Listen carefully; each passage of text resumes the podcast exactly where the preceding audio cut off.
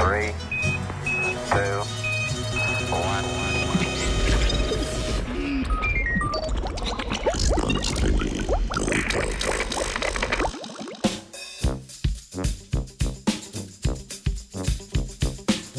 Šakali na Na ozemlju Evrope smo trenutno priča širjenju nove vrste zveri.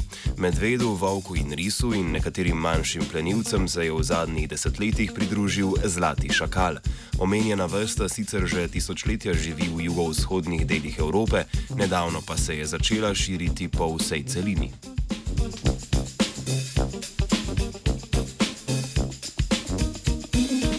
Pretekli teden je revija Nature Communications objavila raziskavo, pri kateri je sodeloval tudi Miha Krofel, raziskovalec iz Biotehniške fakultete. V omenjeni študiji so želeli ugotoviti, kako krčenje življenjskega prostora avtohtonih velikih zveri vpliva na odnose med plenilci s podobnimi ekološkimi vlogami.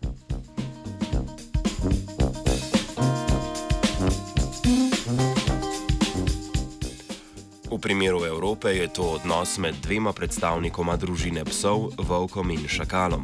V preteklosti na območjih, kjer so živeli volkovi, šakalov ni bilo, saj so v predstavljenem paru slednji stopničko nižje kot dominantni volkovi. V uravnovešenih ekosistemih tako volkovi z lahkoto branijo svojo prostorsko dominanco prek neposrednega plenjenja in prevlade v bitki za hrano.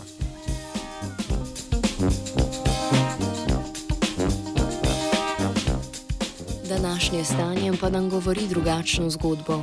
Krčenje gozdov, urbanizacija ter gradnja prometne infrastrukture v povezavi z načrtnim iztrebljanjem volkov v preteklih stoletjih so potisnile njihove populacije na rob preživetja ter razrezale njihov življenjski prostor na majhne koščke.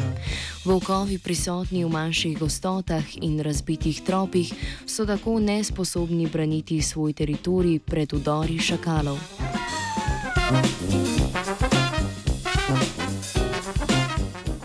Omenjena študija predstavljeni trend postavi na globalno raven.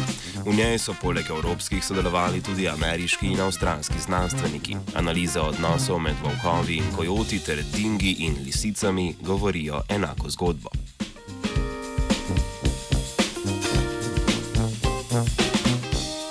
Odkritje predstavlja košček sestavljanke, ki kot celota prikazuje rušenje ravnovesja naravnih ekosistemov in posledično manjšanje biotske pestrosti sestavljanke, ki nam lahko služi kot načrt za izboljšanje sedanjega stanja.